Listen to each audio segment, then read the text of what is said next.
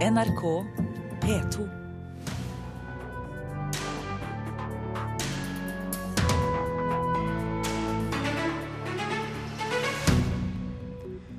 I dag kommer svaret på om kulturminister Toril Vidvei har lykkes med sin gaveforsterkningsordning. Nettavisen Barents Observer skal ha full redaksjonell frihet. Eierne har ombestemt seg etter sterkt press.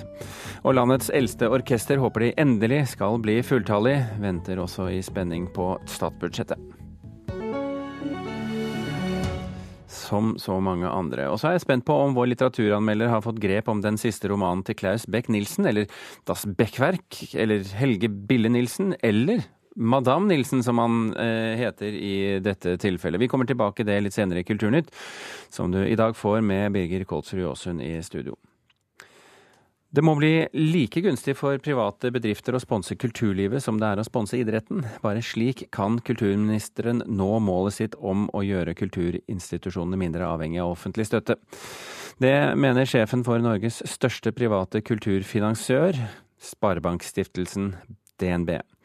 I dag presenterer Toril Vidvei kulturbudsjettet for neste år, og spørsmålet er eh, om hun har lykkes i å innføre fjorårets løfte om å gi skattefordeler til den som skal sponse kultur med private penger. Ikke minst så vil finansministeren og eh, undertegnede jobbe for å se på skatteinsentiver som kan være med på å utløse mer privat kapital inn i kulturlivet. Skatteinsentiver eller skattefordeler for private som vil gi penger til kulturformål det var kulturminister Toril Vidveis tydelige mål da hun la fram kulturbudsjettet i fjor. I dag klokka ti, når neste års kulturbudsjett legges fram, får vi svar på om hun har lykkes. Skal hun det, altså lykkes, må det bli like gunstig for bedriftene å støtte kulturen som det er å støtte idretten, mener André Støylen. Hvis man vil ha flere private bedrifter til å eh, støtte kulturen, så bør man nok også se på skattesystemet. Støylen er administrerende direktør for Norges største private kulturfinansiør, Sparebankstiftelsen DNB. Hvert år bevilger de omtrent 250 millioner kroner til ulike kulturformål. Han peker på en skjevhet i skattesystemet som gir idretten en fordel over kulturen. Ja, det er jo nå slik at Bedrifter som sponser idrett, de eh, kan få trekke fra den utgifta mens det er ikke mulig når det gjelder kultursponsing eller humanitær eh, sponsing. Når næringslivet sponser idretten, blir det sett på som reklame og man slipper å skatte av pengene. Men slik er det ikke om man sponser kultur, er Støylens poeng. Det ville være et uh, håp og ønske fra min side at det ble mer likebehandling mellom idrett og kultursponsing, ja.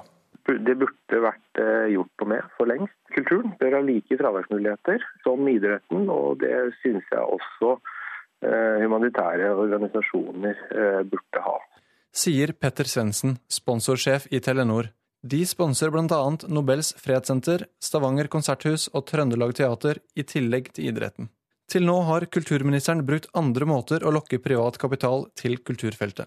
Den såkalte gaveforsterkningsordningen innebærer at staten bidrar med ekstra penger til museer som tiltrekker seg støtte fra private givere.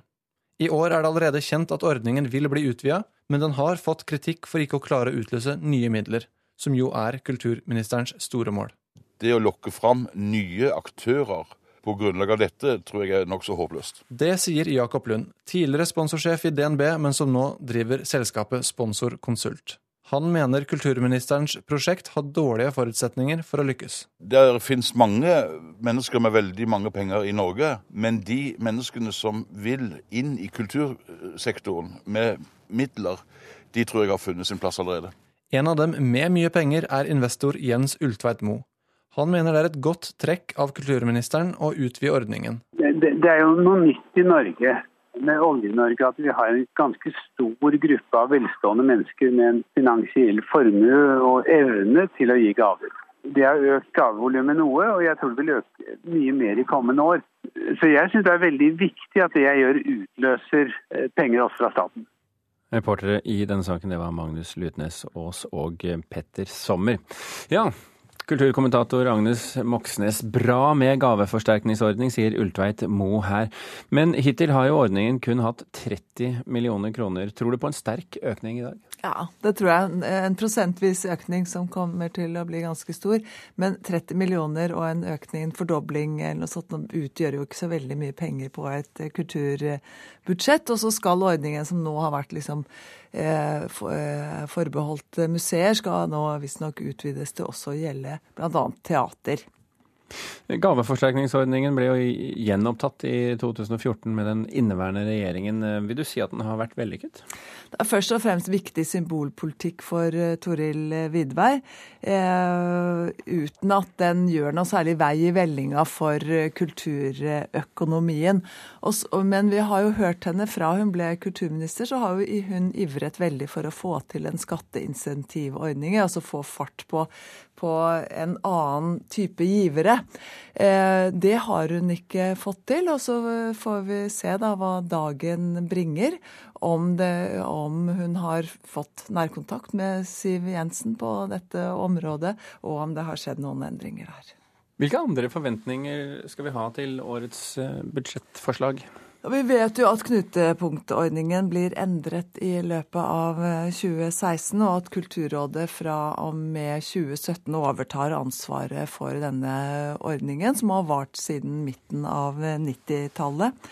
Eh, vi har fått bekreftet at insentivordningen for film blir eh, innført. Den har jo vært eh, i kjømda veldig, veldig lenge. Mange kulturministre som har prøvd å innføre den. Nå kommer den. Det som er, er spennende, å se hvilket budsjett pengene til utenlandske filmprodusenter som skal produsere film i Norge, hvilket budsjett det blir hentet fra. Om det er fra Næringsdepartementets budsjett eller kulturbudsjettet, og om det kommer nye penger. Det er et ganske akutt spørsmål akkurat nå, for vi vet at uh, 'Snømannen', altså filmatiseringen av Jo Nesbøs roman. Den finansieringen pågår akkurat nå. Og så vidt jeg forstår, så er de nokså avhengige av å få tommelen opp for en insentivordning. Er på vei til Norge for å snakke med kulturministeren. Eh, sånn at eh, det er en forventet eh, Det er helt forventet at den er plassert på, på budsjettet. Og så lurer jeg på litt om spørsmålet om kulturmoms kommer opp i dette budsjettet. I vår så kom det jo altså noen kraftregninger til norske kulturhus.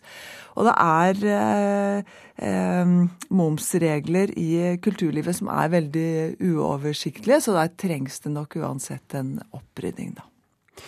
Eh, hvilke forventninger tror du kulturlivet har i dag, da?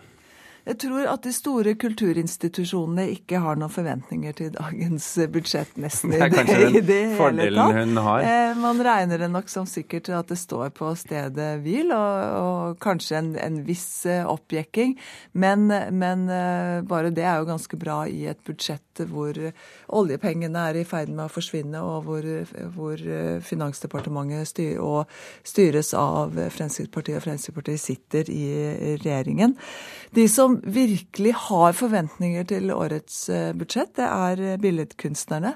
Eh, året som har gått, har nok en gang vist at det er de som ligger aller nederst på alle lønnsstatistikker. Og så langt, iallfall de siste 10-15, kanskje 20 årene, så er det ingen som har kommet med gode løsninger for de utfordringene som, som ligger der. Vidvei fikk en utredning om kunstnerøkonomi i januar. Og der blir det foreslått vederlagsordninger, og det er helt opplagt en, en kampsak for, for billedkunstnerne. Det blir altså lagt frem statsbudsjettet i dag klokken eh, ti, og du følger eh, med dette for oss videre utover dagen. Agnes Moxnes, takk for at du eh, kom hit på morgenkvisten også. Vi skal ikke helt slippe taket i, i statsbudsjettet ennå, fordi i Bergen så krysser Filharmoniske orkesteret der sine fingre før statsbudsjettet legges frem i dag. De håper regjeringen endelig oppfyller ønsket om et fulltallig orkester på 105 musikere. Harmonien feirer 250-årsjubileum denne uken. De siste årene har orkesteret ventet i spenning på hvert statsbudsjett. På podiet i Grieghallen. Bergen Filharmoniske gjør seg klar til dagens øving, med bl.a. Mozart på programmet. Orkesteret består av til sammen 101 musikere. Men etter 250 år regnes de fortsatt ikke som et fulltallig orkester. Dette er jo en sak vi har, og orkesteret har jobbet med gjennom alle år. Det sier direktør i Bergen Filharmoniske Bernt Bauge. For å bli et fulltallig orkester må de opp i 105 musikere. Vi bør ha fire stillinger til, slik at vi, vi har alle stykegruppene komplett. Og det er meldt inn med all tydelighet til departementet. Denne uken feirer Norges eldste musikkselskap 250 år. Penger til flere musikere står høyt på ønskelisten når statsbudsjettet presenteres i dag. På scenen i Grieghallen øver orkesteret med Leif Ove Ansnes før jubileumskonserten torsdag. Pianisten har reist verden rundt og vært solist med de største og beste orkestrene. Han mener det er viktig for bergensfilharmonikerne at de blir oppbemannet. De er et orkester på veldig høyt internasjonalt nivå. De er klart de skal være fulltallige. Ikke minst fordi da kan man gjøre uh, alt av repertoaret, hele det symfoniske repertoaret. Og så er det noe med selve klangmassen i et orkester. altså de... De rett og slett de låter bedre når de er, når de er fulltallige. Reporter i denne saken, det var eh, Siri Løken. Klokken er snart 14 minutter over åtte. Du hører på Kulturnytt, og dette er toppsakene i Nyhetsmorgen nå. Helse og samferdsel er de store vinnerne i statsbudsjettet. Økning i bruken av oljepenger på 24 milliarder kroner skal være med på å finansiere skattelettelser i budsjettet. Bare et lite antall ansatte i bilprodusenten Volkswagen har vært involvert i utslippsjukset. Det sier administrerende direktør Mathias Müller. Og Norge ble nylig dømt i EFTA-domstolen fordi luften i flere byer bryter med internasjonale miljøkrav. I Bergen bor opp mot 2000 mennesker i området med for dårlig luft. Det viser nye målinger. Det har blitt uh, unødvendig vanskelig å gå på konsert. Det skrev Stine Mari Røverdatter, tidligere konsertarrangør og leder av flere spillesteder, i et leserinnlegg i Dagbladet i går. Stine Mari Røverdatter, velkommen til Kulturnytt. Tusen takk. Hva er det som er så vanskelig med å gå på konsert? Uh, altså, jeg anklages for å løfte frem et lite og uviktig problem her, men det handler om å vente. Og det blir man jo kraftig irritert av uansett. Og jeg mener at, stadig, at spillestedene og promotørene henger etter og ikke tilpasser seg publikums økende ønske om faktiske eh, starttider. Hva eh, er, er problemet, eh, hvis du kan beskrive det litt? Nei, det er jo at, man, at dørene åpner ganske tidlig, og så oppgis en cirka konsertstart som ikke er forpliktende for noen av, noen av partene. Sånn at man blir stående og vente veldig lenge. hva, hva er veldig lenge? Eh, veldig lenge kan være fra altså jeg, har, jeg har opplevd å vente fire timer eh, på en konsert. Det er jo selvfølgelig veldig veldig uvanlig. Men ofte så venter man i alt fra 20 minutter til 45 minutter til en time. Og, når, og det, er, det, er, jo ikke et eh, stort problem når man går på konsert én gang i året. Men når man går på konsert flere ganger i uka, sånn som jeg gjør, så blir det veldig irriterende. Kristian Skøyen, produksjonsleder hos konsertarrangøren Live Nation. Hvor vet vi aldri når selve konserten begynner? Vi vet jo det, og jeg kjenner meg ikke helt igjen i det hun uh, sier her. Vi uh, opererer med starttider for uh, konsertene våre. Det er nok mer på sekundene når det gjelder f.eks. Oslo Spektrum og, og, Telenor Arena enn det er på klubbene i Oslo. Men jeg føler ikke at vi er så veldig langt fra de tidene som vi oppgir på våre hjemmesider før arrangementet starter. Men i den grad det er uh, venting, uh, forstår du at det oppleves som et problem? Ja, eh, problem og problem.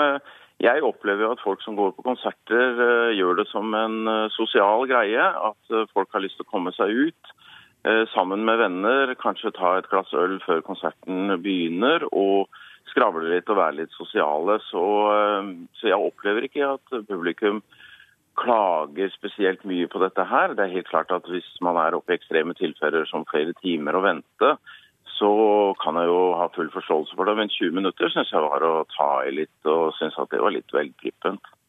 Eh, det er vel slik Røverdatter, at det å henge barn og glede seg til hovedattraksjonen, kanskje få med seg et oppvarmingsband, det er en del av selve konsertopplevelsen?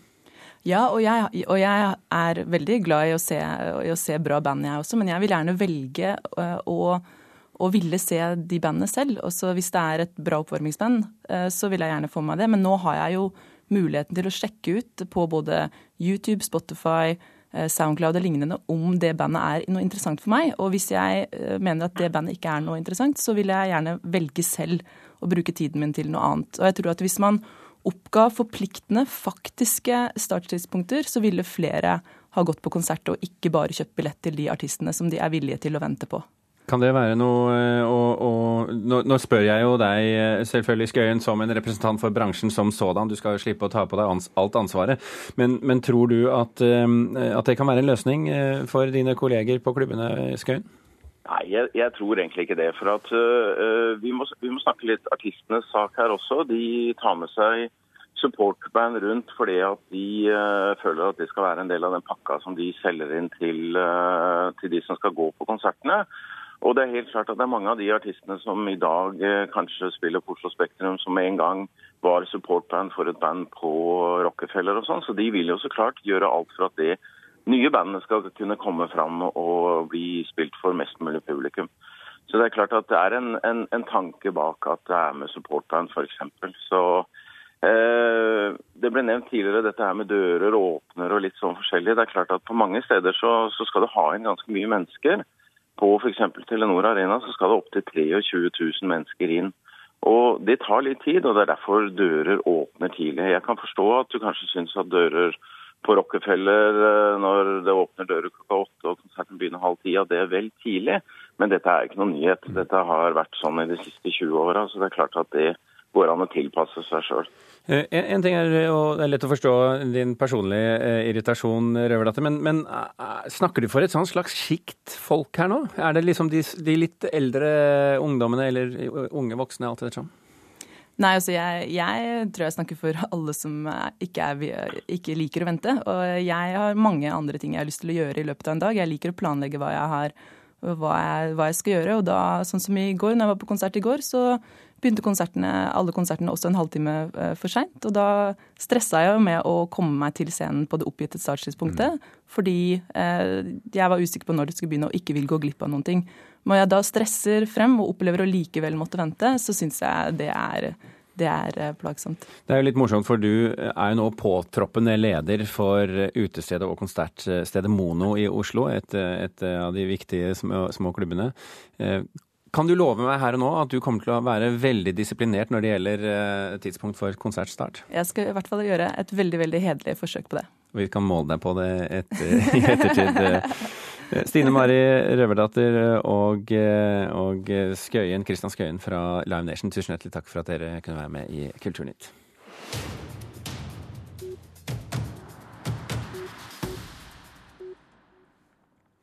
Det er full enighet blant eierne av Barentssekretariatet om at avisen deres, Barents Observer, bør ha rett til å skrive det den vil.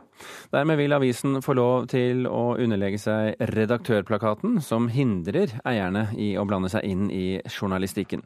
For bare en uke siden fikk redaktøren sparken for å ha krevd tilslutning nettopp til redaktørplakaten, og det er på høy tid å få det formelle på plass, sier Redaktørforeningen. Det er jo svært gledelig, fordi vi ønsker jo eh, kritiske medier, og vi ønsker kritiske medier som eh, har et regelverk på plass, avtaler på plass, som beskytter den uavhengige journalistikken. Det som man kan stille spørsmål ved, er hvorfor i alle dager det har tatt flere måneder for Barentssekretariatet å komme frem til eh, den konklusjonen. Sier generalsekretær i Norsk redaktørforening, Arne Jensen. Barents Observer er nettavisen til Barentssekretariatet, som jobber for samarbeid på tvers av landegrensene i nord. Striden om hvorvidt Barents Observer skal være en selvstendig nettavis, der eierne ikke kan blande seg inn i journalistene og redaktørens arbeid, har pågått i halvannet år. I mai i år ble det bestemt at det var uaktuelt å formalisere redaksjonens frihet ved å innføre redaktørplakaten. Men i går fikk pipen en annen låt da utenriksminister Børge Brende kom med tydelig beskjed i Dagsrevyen. Vi eh, ber styret eh, etablere redaktørplakaten og formalisere den frie og uavhengige eh, stemmen til Barents Observer. For Utenriksdepartementet er det viktig at Barents Observer er en uavhengig og fri stemme. For det er Utenriksdepartementet som i hovedsak finansierer Barentssekretariatet. Styreleder Stig Olsen svarer følgende på meldingen fra Børge Brende. Vi har fått en ekstern utredning som anbefaler oss å følge redaktørplakaten. Og jeg vil gå langt i å antyde at det vil nok bli min innstilling til styret at vi følger denne tilrådinga i denne eh, eksterne rapporten. Utredningen Olsen snakker om ble satt i gang i mai, og var ferdig like etter at redaktøren av Barents Observer fikk sparken i slutten av september, nettopp pga. det styret kaller illojalitet knyttet til ønsket om å innføre redaktørplakaten. Til syvende og sist er det representantskapet som bestemmer hva som skal skje. Der sitter representanter for eierne, de tre nordligste fylkene. En av dem er Thomas Norvoll. Etter utenriksministerens uttalelse sier han at alle nå er enige om å innføre redaktørplakaten. Nei, Da er han jo for så vidt på linje med den holdninga som, eh, som, vi legger oss på nå etter at vi har fått en uavhengig rapport om hvordan eh, Observer bør eh, organiseres. Så, eh, så det syns jeg egentlig er uproblematisk. Thomas Norvoll mener redaksjonen i Barents Observer alltid har kunnet skrive om det den vil, selv om de så langt ikke har hatt noen redaktørplakat.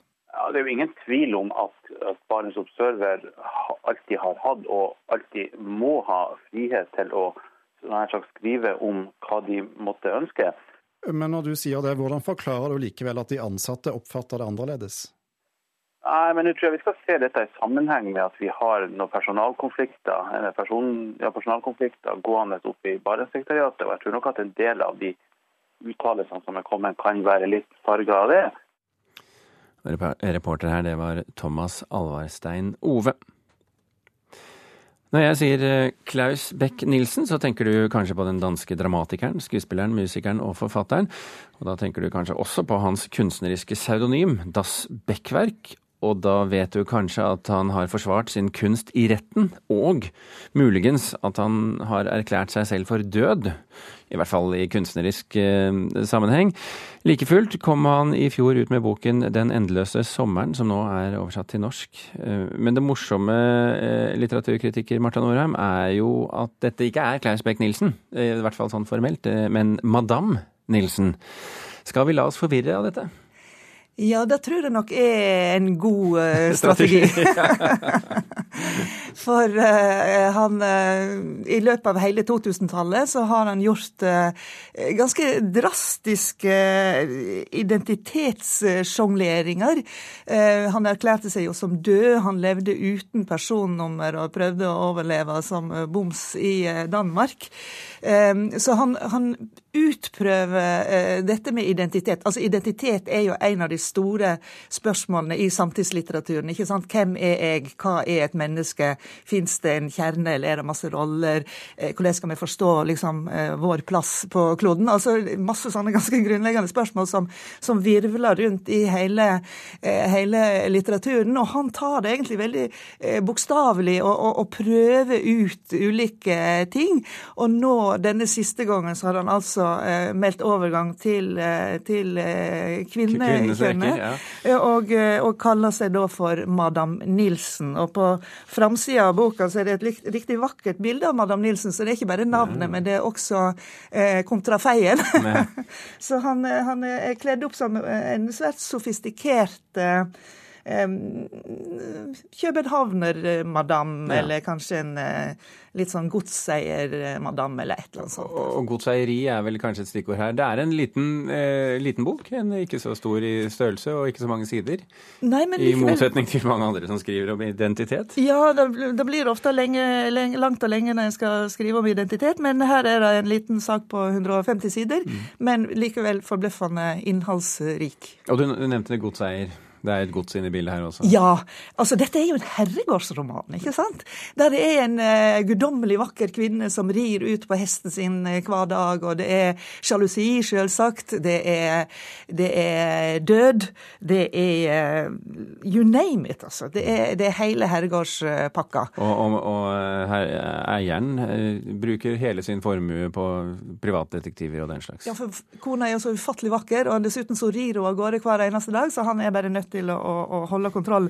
Men altså, dette her er jo, er jo litt sånn kioskopplegg, ikke sant, med denne, dette herregårdsprosjektet. Men, men samtidig så er det en sånn um, det er både da, Du kan godt lese det som en herregårdsroman og ha det kjempemorsomt. Og samtidig så glir han ut i, i, i, i refleksjoner omkring Eh, det grenseoverskridende, som jo er en av hans eh, store ting. da liksom Det med å overskride grensene f.eks. mellom kunst og liv, som han jo gjør hele tida med disse identitetstingene sine.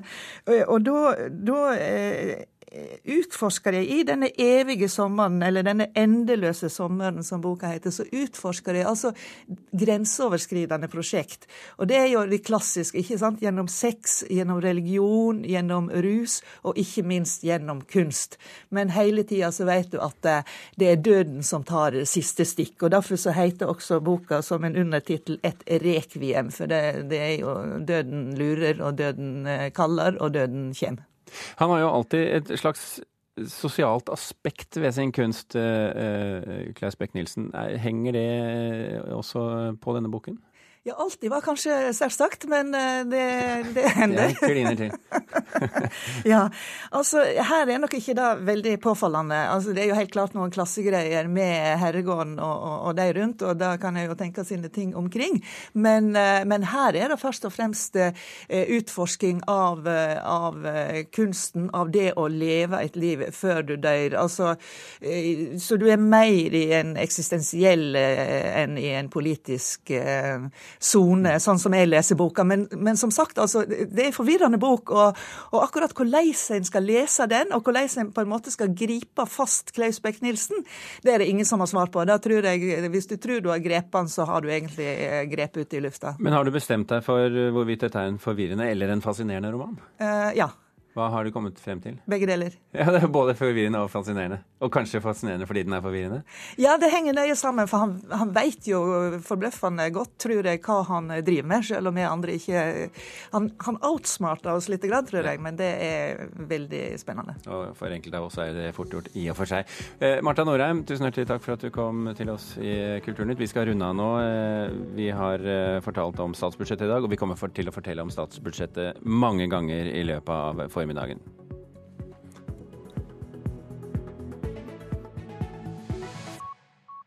Hør flere podkaster på nrk.no podkast.